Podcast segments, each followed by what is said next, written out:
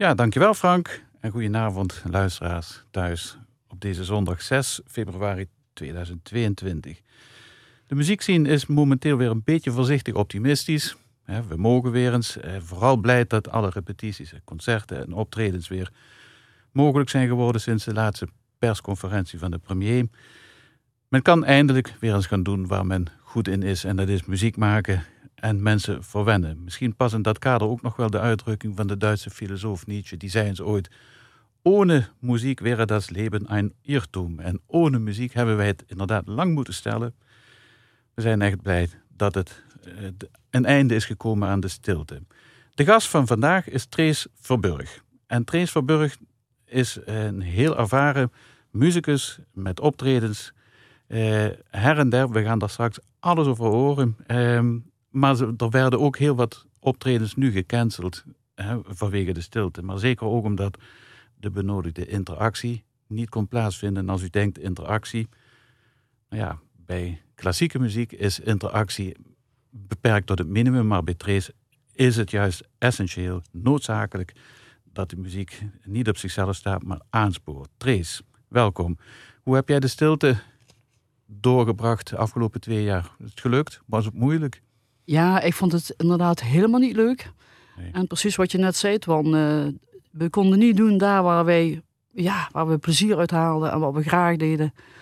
Dat werd allemaal afgelast en gecanceld. En uh, ja, daar werd ik wel een beetje treurig van. Ja, ik vond het een moeilijke periode. Moeilijke tijd. Ja, ik vond het een moeilijke periode. En er zijn meerdere muzici die daar ernstig onder geleden hebben. Dat kan ik je vertellen. Dus laten we godsnaam hopen dat het weer een beetje mag. Welkom hier in de studio.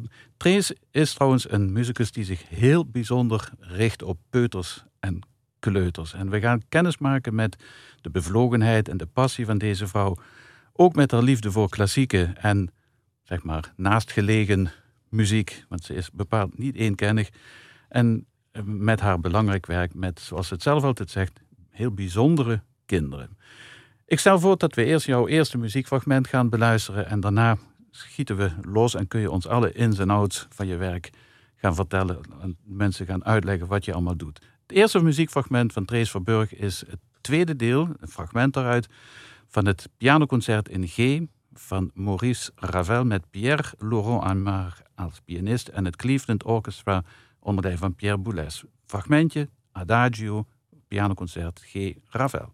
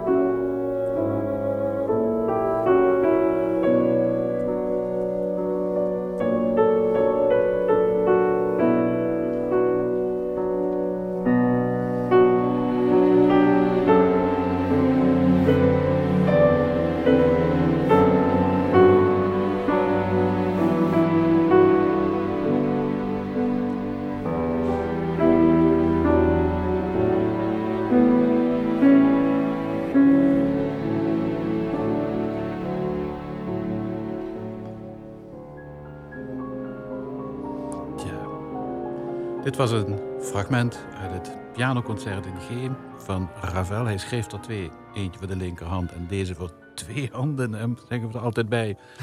het stukje uit het Adagio Assai, tweede deel. Ja, Trace, Ravel is en blijft natuurlijk toch een van de kleurrijkste componisten. Geldt dat voor jou ook? Ja, zeker. Ja. Niet alleen het kleurenpalet, maar ook, ja, ik zou bijna zeggen, het raffinement en de verfijndheid. Ik vind het heel spannend, hele spannende muziek. Ja. ja. en je had natuurlijk kunnen kiezen voor het snelle eerste of wellicht nog snellere laatste deel, hè, ja. wat heel heftig is. Maar je koos voor dit hele romantische adagio. En is dat om een specifieke reden? Um, dat middendeel, dat, uh, ja, ik zou bijna zeggen, dat knalt er juist uit. Dat het zo contrasteert met die andere delen. En die andere delen zijn natuurlijk ook heel interessant. Dat uh, jazzy element wat erin zit. Maar daardoor valt dit dan enorm op, de verstilling, de verfijndheid en ja, wat ik zeg, het raffinement. Ik, uh, je hoort zo'n melodie en dan denk je, oh ja, god, dat ga ik eens even op de piano naspelen. Tenminste, dat wil ik dan graag doen. En dan merk je, vrek, dat, dat lukt niet zo goed. Dat, uh, wat is er nou aan de hand? En dan kom je tot de ontdekking dat het raffinement erin zit dat die linkerhand, die begint met een wals. 1, 2, 3, 1, 2, 3. Maar die rechterhand doet absoluut geen wals. Die, die gaat volkomen zijn eigen gang en die gaat een hele eigen ritmiek volgen. En dat maakt ook dat die melodie daar zo, ja, ik zou bijna zeggen, bovenaards wordt. Zo mooi, zo ontzettend mooi. Dus uh, ja. daar kan ik echt van genieten. Ja, ja. Eh, heb je het zelf ooit geambieerd om op dat niveau te kunnen spelen? Is ik, misschien een beetje een rare vraag, maar... Ja, ja, ja nee, goede vraag. Ja, nou, ik heb inderdaad uh, piano gestudeerd in het conservatorium, maar ik heb inderdaad uh, nooit de ambitie gehad om echt het concertpodium te halen. Ik dacht al vrij snel, och, laat dat anderen maar doen. Die uh, kunnen dat waarschijnlijk uh, veel beter. En wat mij eigenlijk uh, altijd erg heeft geïnteresseerd is meer van... Ja, wat doet muziek met mensen? En wat kun je door muziek met mensen bereiken? En nou ja, dat is iets waar, waar ik veel, ja, ik zou bijna zeggen, onderzocht heb. Ja. En ook tot de conclusie ben gekomen dat muziek ontzettend veel losmaakt bij mensen. Ja. Ja, daar hebben we het straks. Gaan we straks weer verder. Ja. Natuurlijk, omdat ja. al die praktijkdingen die je hebt gedaan, dat, die komen ter sprake. Eh, dat hier ook jazz in zit, je zegt het zelf. Een beetje, beetje Gershwin-like, zou je bijna kunnen zeggen. Hè? Ja, zeker. Komt volgens mij ook wel een beetje overeen met jouw houding ten opzichte van het vak. En dat is de verbinding tussen stijlen. Probeer je het altijd te vinden, maar vooral ook het tegengaan van de eenkennigheid. Klopt dat? Ja, natuurlijk. Er is zoveel soorten muziek en... Uh, ja, misschien mag je wel zeggen, er is gewoon goede muziek en slechte muziek. Ja. En de goede muziek blijft en de slechte muziek die verdwijnt vanzelf. Ja. Die hoor je niet meer. Maar niet alle, niet alle klassieke muziek blijft. Dus er is ook slechte klassieke muziek. Um, dat weet je niet. Dat is een kwestie van interesse ook, denk ik. Ja. En van wat heel veel gespeeld wordt en te horen is. Jij hebt ook, we hadden het nu over Ravel, maar je hebt ook Mozart en Beethoven al eens een keertje aan in een theater aan kinderen gepresenteerd. Kun je eens uitleggen hoe je dat doet? Daar heb je een groep van vierjarigen voor je, van drie, vierjarigen. En dan heb je het over een Mozart van, van, drie, van 2,5 eeuw geleden. Ja. Nou, wat ik dan uh, probeer, dat is, ik ga me eerst natuurlijk erg inlezen van wat was dat voor iemand die Mozart. Was natuurlijk best een excentriekeling, je zou kunnen zeggen. Het was de, de Michael Jackson in zijn tijd zo, hè? zoals hij leefde, een beetje, een beetje buitensporig, een beetje ja, hij leefde eh, heel royaal en rijk en uh, terwijl hij niet veel geld had. En, uh, nou ja, je gaat je in de personen verdiepen en dan natuurlijk als je zijn muziek beluistert, dan, ja, dan kom je eigenlijk tot, tot de ontdekking dat dat klankidioom, om het zo maar te noemen, van Mozart, ja, dat zit zo in ons brein mhm. verankerd. Dan noem ik al een eenvoudig liedje als Altijd is Kortjakje ziek. Ja, dat is van Mozart, hè. Dat ja. is thema met variaties. Ik weet al niet meer. Ja. een van jongere periodes, 265 of zo, KV 265. In ieder geval, het is dus een kinderliedje, een Frans kinderliedje. Ah, een Fouge de Ré of zoiets. Ja. En uh, daar heeft hij talloze variaties op gemaakt. Maar dat uh, melodietje, ja, dat is gewoon, uh, ik zou zeggen, uh, algemeen bekend. En maar zo, heb je, zo heb je nog wel meer melodieën dat je denkt van, goh, je, je loopt door, door dat heb ik in die presentatie toen ook gebruikt. Je loopt door Disney Parijs en er is die attractie van de Small World. Met een heel populair liedje. En daarnaast heb ik toen ontdekt als je een uh, bekende aria uit het Zauberflötepas pakt. Nou ja, die sluit naadloos op elkaar aan. Ja, ja, ja. Maar die, die vind jij dus geschikt voor, ook voor kinderen Ja, van die leeftijd. ja Kinderen zeker. zijn er gevoelig voor, zeg. Zeker, zeker. Ja. Ja, En je zingt ze ook met ze. ja. En ik, vind, ik mag inderdaad nog wel eens graag gewoon teksten maken op klassieke muziek. Ja. Ook om ze te laten voelen van, ja, het muziek is een taal en, en, en eh, het, het vertelt van alles. Dus eh, Ik ken ja, iemand die maakte ooit van de kleine nachtmuziek. Oh, Cato, de vlooien bijt en zo. dat is Dat iets dingen. minder. Dat, dat hoor ik niet zo in die muziek, nee. Maar kinderen hoeven dus niet, wij hoeven niet te wachten totdat kinderen groot zijn voordat we ze met dit soort muziek in aanraking moeten Nee, brengen. absoluut niet. Nee. En als je goed naar kinderen kijkt, dan zul je merken, god, ze staan in de box. Ik, ik heb dat uit mijn praktijk meegemaakt en die zijn een, een symfonie van Haydn op of zo. Nou, die kinderen beginnen gelijk met een kontje mee te swingen in de box. Ja. En dan denken die ouders gelijk van, oh, oh, ik heb een kleine, kleine Mozart of zo eh, in, in de box staan. Talent in de box. Maar het is, ja... maar Ja. het is dus gewoon... eh, ze zijn allemaal heel muziekgevoelig kinderen. Je kunt, Ja. kunt ze alles laten horen en alles eh, presenteren. Ja. Nou, u, u hoort het. Eh, mijn gast van vandaag, Trace Verburg, is in tegenstelling tot de meeste gasten van dit programma niet de muzikus van het grote podium en met, met een zaal vol volwassen en oudere mensen, maar juist van het kleinschalige eh, podium. Niet zelden en ook in een best gezellig, behagelijk en huiselijk sfeertje. Je reist door de hele provincie. Ik heb je een keertje zien, zien, zien vertrekken van thuis uit met... eh, ja, je kunt bijna een huurauto halen met alle decorstukken en weet ik wat je allemaal mee eh, Ja. neemt. Je gaat naar basisscholen, bibliotheken enzovoort. En je presenteert ook wat shows in theaters dus. Hè. Ja. Over wat soort projecten hebben we het ongeveer? Kun je er eens iets over zeggen? Eh, ja, je moet je eigenlijk nog een stapje terug gaan. Ehm, ik heb allerlei verhalen gemaakt. Verhalen met muziek Mhm. en illustraties. En die verhalen zijn tevens theatervoorstellingen. Ja. Dus, Weet je eh, wat? Het lijkt me een goed idee om, voordat we het daar verder Ja. uitgebreid over hebben, je, de mensen thuis eventjes iets te laten horen. Een heel kort fragmentje. Eh, Kiwi en Beck, dubbele punt, slangenlied uit de voorstelling Arthur en Lisa. Ik ben een slang, een grote slang, een hele dikke vette slang.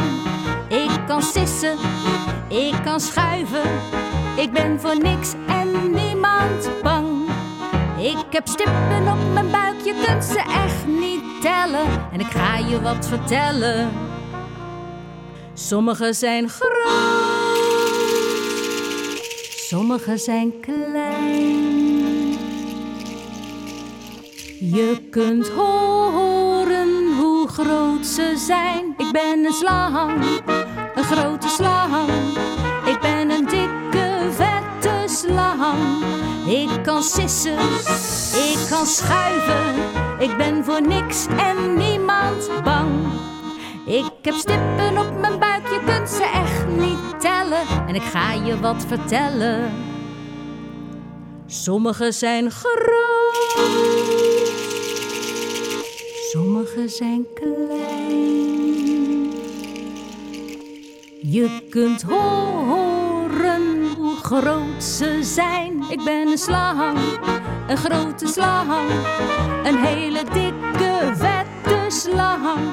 Ik Het kan nodig bijna uit om mee te gaan zingen. Met het slangenlied uit jouw productie, Arthur en Lisa. Wie zijn Arthur en wie zijn Lisa? Arthur en Lisa, dat zijn twee aardvarkens. Oh. En eh, ja, ik maak altijd eh, verhalen waarbij dieren eh, zeg maar de hoofdrol spelen. En mijn voorkeur gaat altijd wel uit naar juist een beetje aparte dieren. Ik denk dan altijd, ach, er zijn genoeg boekjes over poesjes en hondjes en paardjes. Laat mij eens een aardvarken pakken. Of een inkvis heb ik ook ergens gepakt. Of een schildpad, daar is het mee begonnen. En ehm, ja, bij dat aardvarken, die heeft inderdaad een trompetvormige snuit.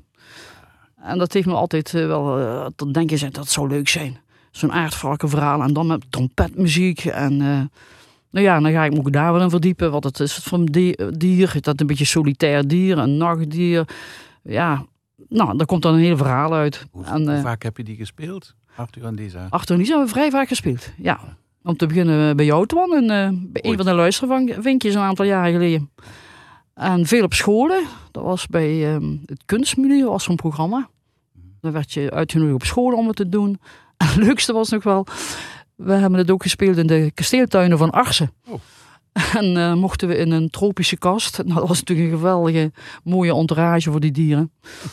En daar hebben we toen in, de- in de zomermaanden, ja, dat was iedere dag trokken we dan naar Arsen met wat jij net zei, met zo'n halve bestelbus. Maar dat was eh, wel erg leuk om te doen, ja. Ja. Ik stel ook voor dat we nu meteen nog een fragmentje uit een van, van jouw eh, voorstellingen gaan beluisteren. Beter gezegd, ehm, we gaan een compilatie horen, een instrumentale compilatie van composities van Trace Verburg uit diverse eh, Ja. shows en theatervoorstellingjes. Ja. Daar gaat die.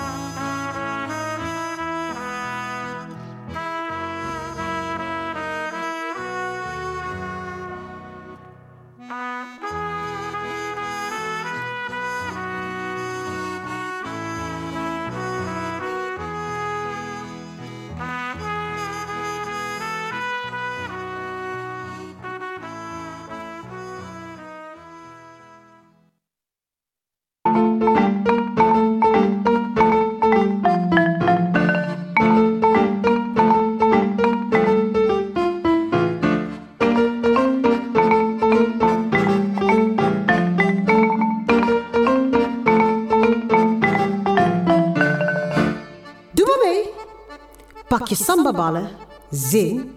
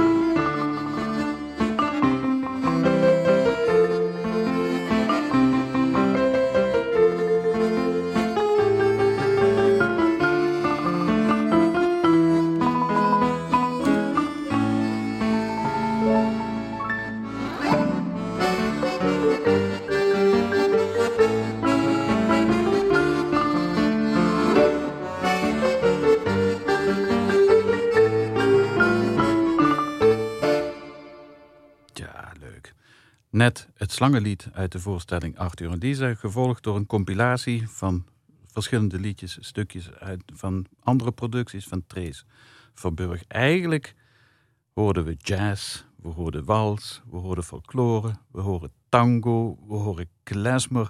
En toch is dat allemaal echt best redelijk klassiek, toch? Ja, eigenlijk wel. Hè? Ja. Zeg, wat, wat hoorden we en wie hoorden we? Um, ja, ik heb de, die opnames gemaakt samen met, uh, met Mark Huinen op uh, trompet. Ja. Uh, even denken, de marimba-speler was Roy van Wersch. Allemaal collega's van de muziekschool. Accordeon was Jan Zaad. En ja, ik zat zelf achter de piano. En dat waren ja, hele leuke momenten. We hebben die opgenomen in de studio in Klimmen bij Rob, Rob Essers. En uh, dat waren altijd hele leuke, leuke dagen, zou ik bijna zeggen. Want dan ben je toch wel even bezig. Het lijkt heel eenvoudig. Maar je moet dat toch allemaal uh, goed onder elkaar krijgen. En uh, een goede balans. Ja, ja dat, is, dat is een goede. Als je zegt, het, het lijkt heel eenvoudig, maar dat is het dus nooit. Het is het nooit, nee. Als je het goed wil doen, ben je daar een hele tijd intensief mee bezig. Ja. ja. Maar goed, je kiest dus met Mark op trompet en Roy, marimba, Jan op accordeon en met jezelf natuurlijk aan de piano wel voor de kwaliteit. Ja, ja, Hoe ja. belangrijk is dat? Ik zal je zeggen waarom ik dat vraag. Ik hoor wel eens rond de Sinterklaastijd of, of kersttijd, als je de boodschappen doet, hoor ik van die beroerde kinderliedjes.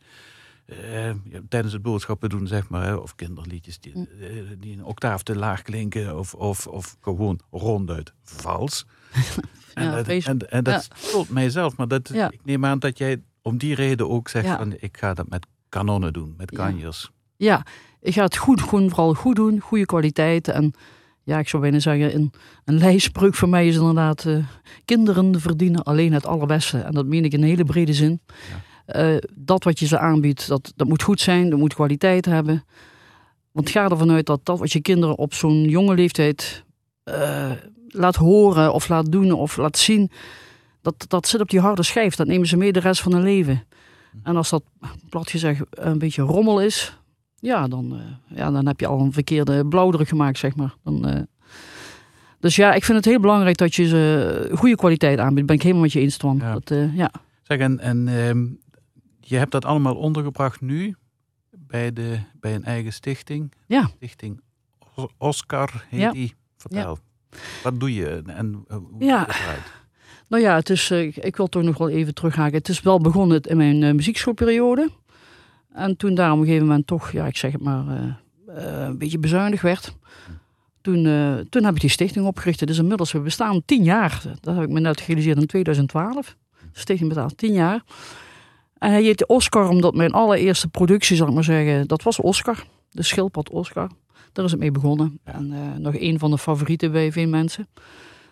En, Maar daar eh, komen ze nog altijd voor om vragen. Hè? ja, Oscar. Oscar wordt nog steeds eh, verkocht. Dat zijn dus eigenlijk ook boekjes. Hè? Het is even toch terug. Het, is een, het zijn producties. Ja, op zich is de volgorde oké wat je zegt. Het is begonnen als productie, als theatervoorstelling. Tijdens de Peuterfestivals op eh, de muziekschool. En toen kwam een andere collega, Annie Huids, met het idee van... God, zullen we er een boekje van maken? En die heeft toen eh, mooie foto's gemaakt van mijn aquarellen en, en de tekst erbij en de liedjes erbij. En het werd een boekje. En eigenlijk dus, zoals dat vaak gaat als grapje, eh, is het begonnen. Mhm. Er zijn er een paar boekjes gemaakt en die werden zo eh, verkocht. En toen werd er nog eens een keer herdrukt en nog eens en nog eens. Dus ja, die Oscar die is inderdaad, geloof ik, nu inmiddels de vijfde druk. En, ehm, en daarna zijn die andere boekjes ontstaan. Maar het is inderdaad een combi van het boekje en de theatervoorstelling. Dus ja, en die stichting, dat vroeg je eigenlijk, ik dwaal een beetje af. Die stichting die staat voor het ehm, activeren eh, en stimuleren middels muziek. En de doelgroepen zijn eh inderdaad het jonge kind en het gehandicapte kind en ook de ouderen. Dus, eh, dus ik zeg, ik zou bijna zeggen, toch de wat kwetsbare groepen, dat je zegt van nou, die kun je dus met, met muziek ja, enorm stimuleren en ontwikkelen. Dat, dat eh, brengt me natuurlijk op de vraag, maar dat is eigenlijk een, een open deur die ik nu, wat heet een, een draaideur die ik opensla. Ehm, Ja. Maar zingen, spelen, luisteren, bewegen. Hoe belangrijk is dat? En waar, je zegt eh, dat wat je ze aanleert of brengt, aanlevert zou ik bijna zeggen, op jonge leeftijd dat blijft hangen. Waarom is dat zo? Is het jouw strijd, eenzame strijd tegen het display en het beeldscherm? Of, of is dat dus waar? ja, ja, je zegt het nog hardop. Maar het klopt eigenlijk wel, inwendig wel. Ik vind, eh, ja, je moet niet zeggen iPad is fout en is verkeerd. Natuurlijk niet. Kinderen moeten zeker eh, leren met uh, het scherm omgaan. En, en het is ook een ideale manier om dingen snel te weten te komen en snel op te zoeken. En, en dat is fantastisch. En, maar het is en-en. Je moet dus, behalve dat, moet je de kinderen ook die, die, die creatieve kant enorm ontwikkelen. En met creatief bedoel ik inderdaad wat jij net allemaal opnoemde. Ehm, muziek en schilderen. En, en, en eh, ja, op allerlei manieren gewoon uh, zelf met je handjes en met je uh, geest bezig zijn. Ja, daar, daar ben ik heel erg voor, dat klopt ja. ja, ja. maar ja, je, je noemde net de muziekschool. Ehm, het hoeft geen geheim te zijn, maar daar huppelde ik vroeger ook eens. Ja, wij waren collega's daar. Ja. we kennen elkaar al heel lang. Ja. Maar ik kan me echt nog herinneren dat die kinderen op de donderdagochtend, die stonden een half uur voordat dat de les begon, stonden ze al te wachten. Hè. Eh, maar wat voor, eh, zoveel, waar blijf je trace? Hè? Waar blijft trace? En, eh, hoe, hoe zagen die lessen eruit? Dat was muziek op schoot, geloof ik ook? Ja, dat heette dan muziek op schoot. En uh, de bedoeling was dat, je dat, dat de ouders meekwamen. Ja, tegenwoordig natuurlijk ook vaak de grootouders. En ja, wat deed ik dan in zo'n lesje? Dat was drie kwartier. En dan werd er ook heel gewoon simpel gezongen. De, de, de bekende kinderliedjes gezongen. Uh, daar werd, ik had allerlei instrumentjes, zelfgemaakte trommeltjes en shakertjes en, en noem maar op. Daar, dus ze mochten mee, mee spelen, dus dat ritmegevoel werd ontwikkeld. Um, bij het zingen natuurlijk, dan, dan, ontwikkel je de, de, spraaktaal en, de, en, het zingen zelf. Er werd gedanst op muziek en bewogen op muziek. Um, je leerde ze ook soms bepaalde liedjes, uh, ja, bepaalde emoties. Van boos zijn, van blij zijn en verdrietig zijn. En dus die sociale, uh, emotionele kant werd ook ontwikkeld. Uh, nou, kinderen waren echt hard aan het werk. Je mag weten, dat was echt wel komisch. Die gingen vaak met een rood hoofd het lokaal uit. Back af. Er moest meteen een banaan in die mond of een boterham. En, uh, daar zaten ouders bij, hè? De ouders waren erbij. Want dat was natuurlijk een neveneffect wat je... Of neveneffect misschien... Ja, een heel belangrijk aspect toch wel. Dat je ook de ouders wilde meegeven van... Speel met je kinderen. Speel met je kinderen. En, en uh, ja, je moest ze soms leren. Ga gewoon op de grond naast ze zitten. En ga, ga, ga blokken bouwen. Of ga weet ik wat doen. Mm -hmm. Want ik zeg altijd, ja, het grootste cadeau wat je een kind kunt, geven is gewoon met het kind spelen. Ja. Dat, uh, ja, daar doe je met grootste plezier mee. En uh, ik snap, en dat is ook uh, eigenlijk wel logisch, het is je totaal niet begonnen om het bereiken van een vastgesteld niveau, het, heilig verklaarde niveau waar altijd over gesproken wordt, maar het is jou veel meer begonnen om iets los te weken. Ja, ja precies. Ja. De interesse in muziek. En ik mag best trots zijn, er zijn echt wel veel kinderen die toch, die ik bij muziek op schoot heb gehad. Dat zijn nou intussen pubers of nog, nog ouder of, of studeren al. En er zijn er een aantal die nog zeggen, ja juffrouw, ik heb uh, daarna drumles genomen. Of ja? ik heb toch een aantal bij mij thuis terug op de pianoles gehad. Echt wel een heel aantal.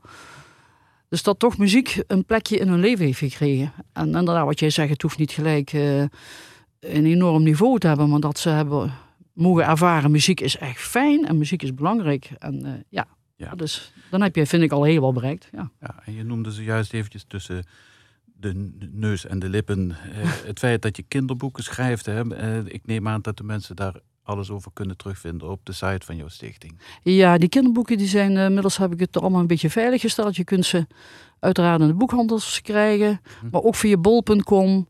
Ze liggen bij het Centraal Boekhuis, dus iedere boekhandel kan ze bestellen. Ze zijn overal te krijgen, zeg maar. Okay. Ja. Goed, straks heb ik nog een gevoelig onderwerp, maar dat bewaren we eventjes tot na het volgende muziekstuk.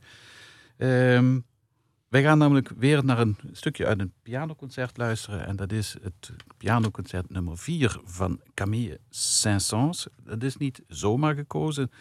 Je vertelt ons na afloop van het fragmentje waarom. U gaat luisteren thuis naar Gabriel Tacchino op piano en het orkest van Radio Luxemburg onder leiding van Louis de Froment. Eh, naar het eh, fragmentje uit het eerste deel, het Allegro Moderato van het vierde pianoconcert van Camille Saint-Saëns.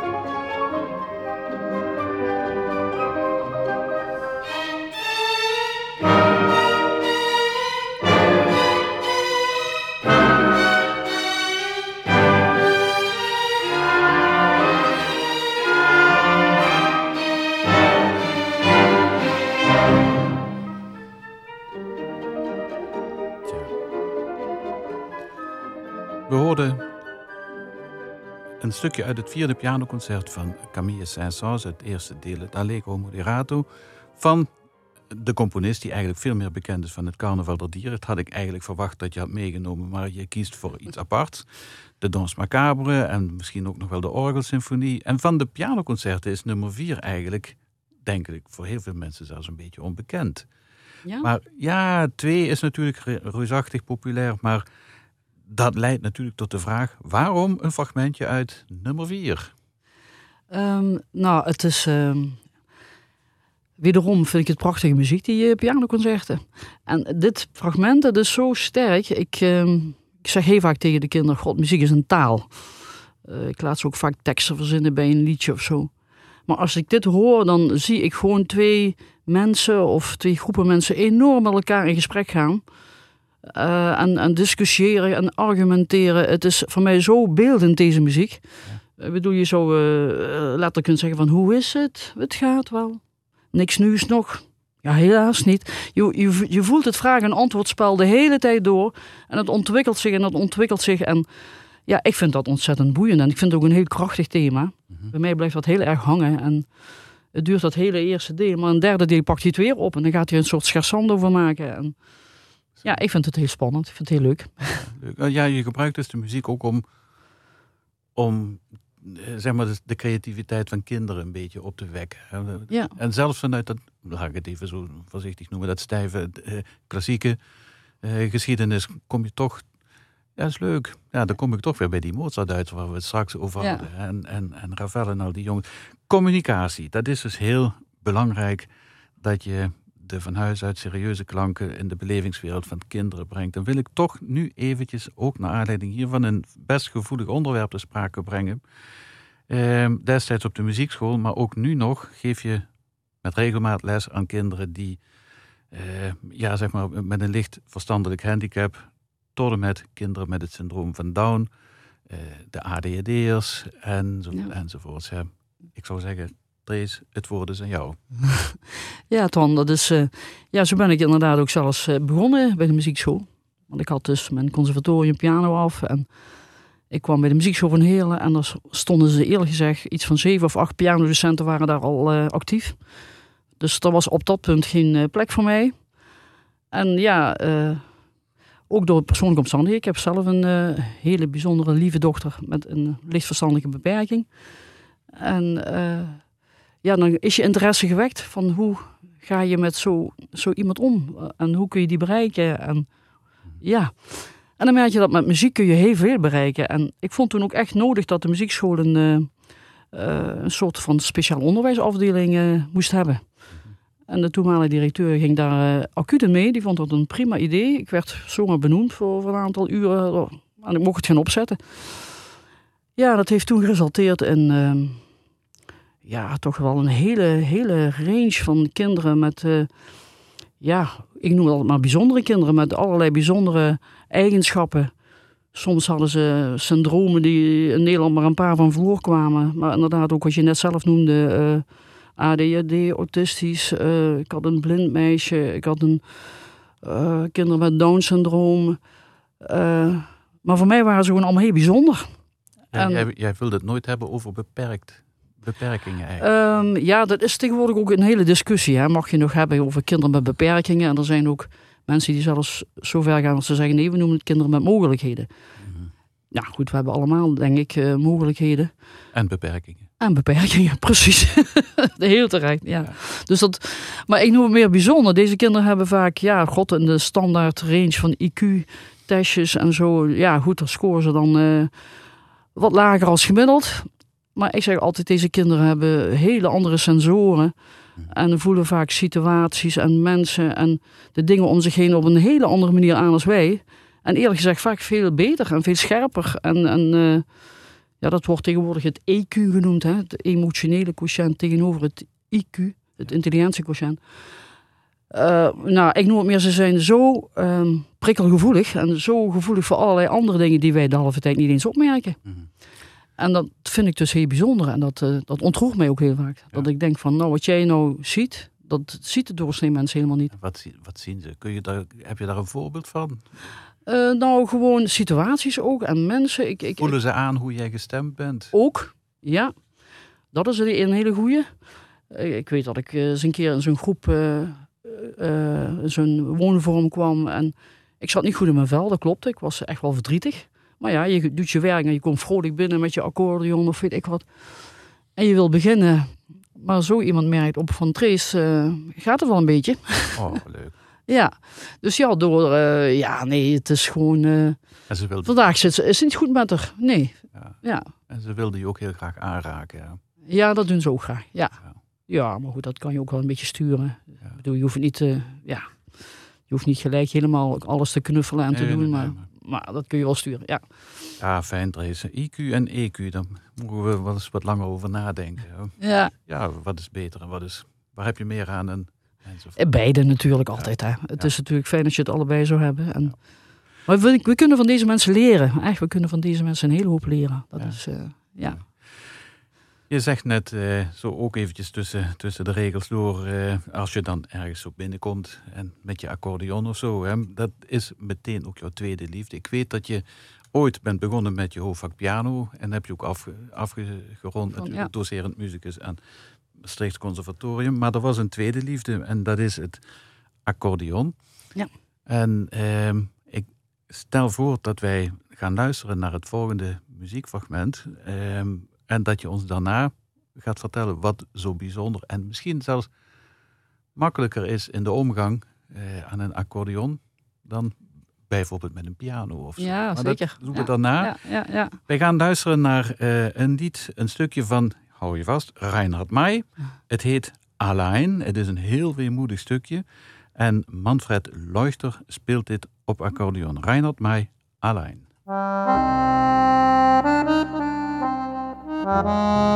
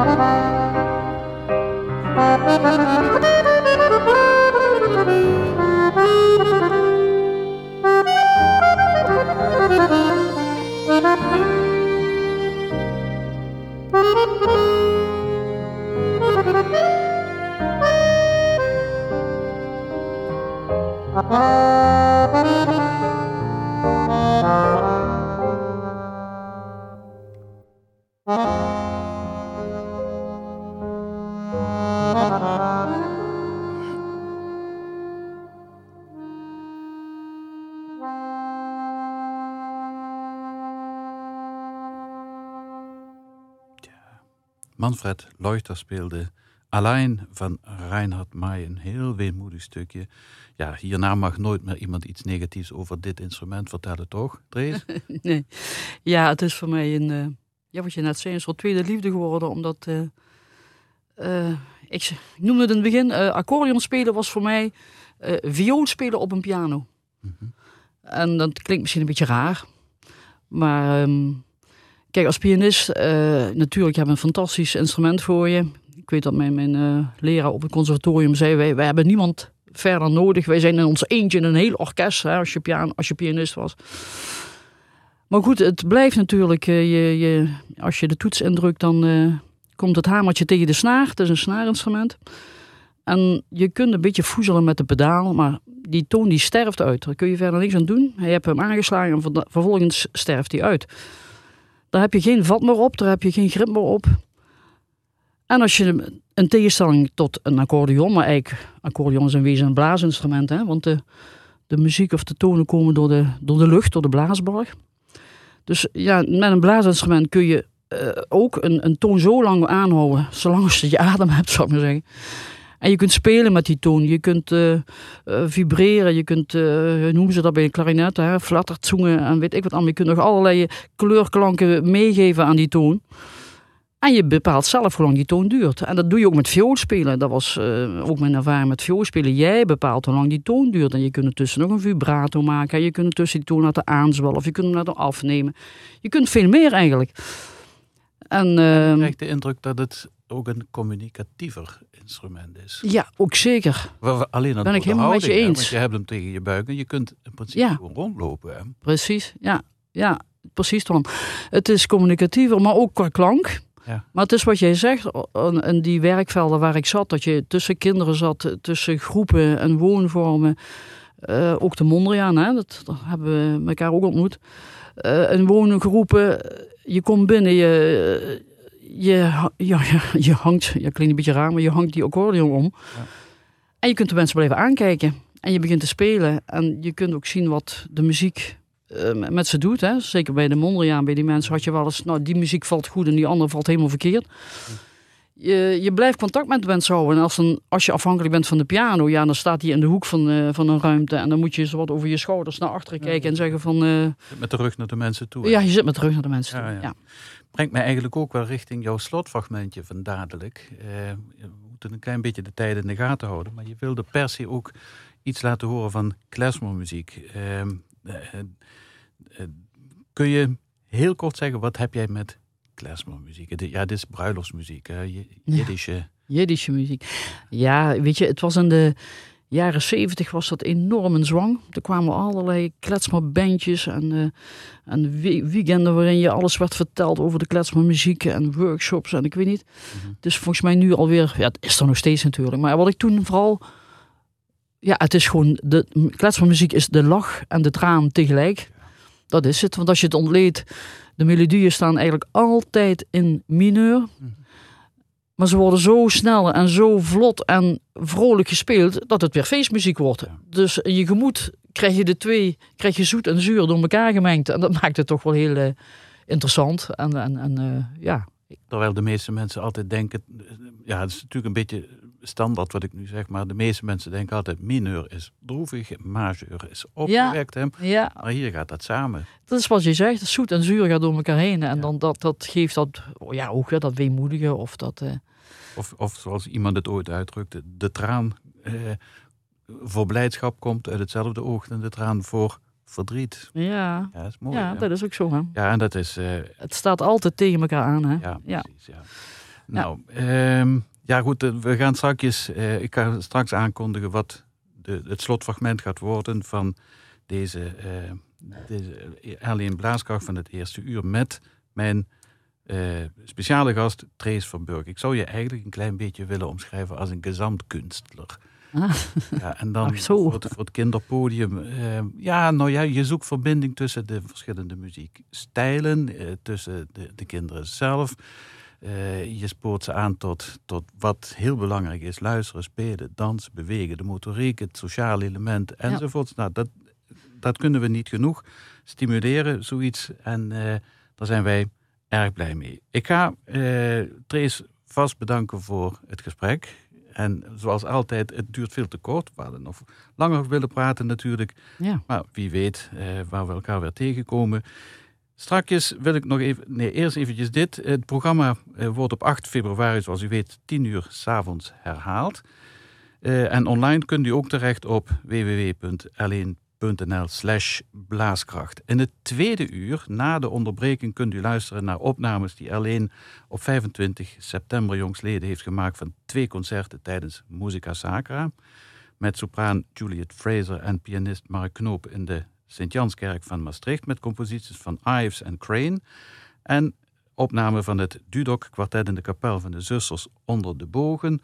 Ja, eh, met werken van Haydn, Norgard en de Finse Sariau. Aanbevolen. Volgende week zijn we er eventjes niet in verband met het LVK. Over twee weken meld ik me opnieuw met een interessante gast. U thuis bedankt voor het luisteren. En we gaan eruit met twee composities van, eh, gespeeld door Giora Feitman, als ik het goed zeg. eh, de, van, afkomstig van de CD The Magic of Klezmer.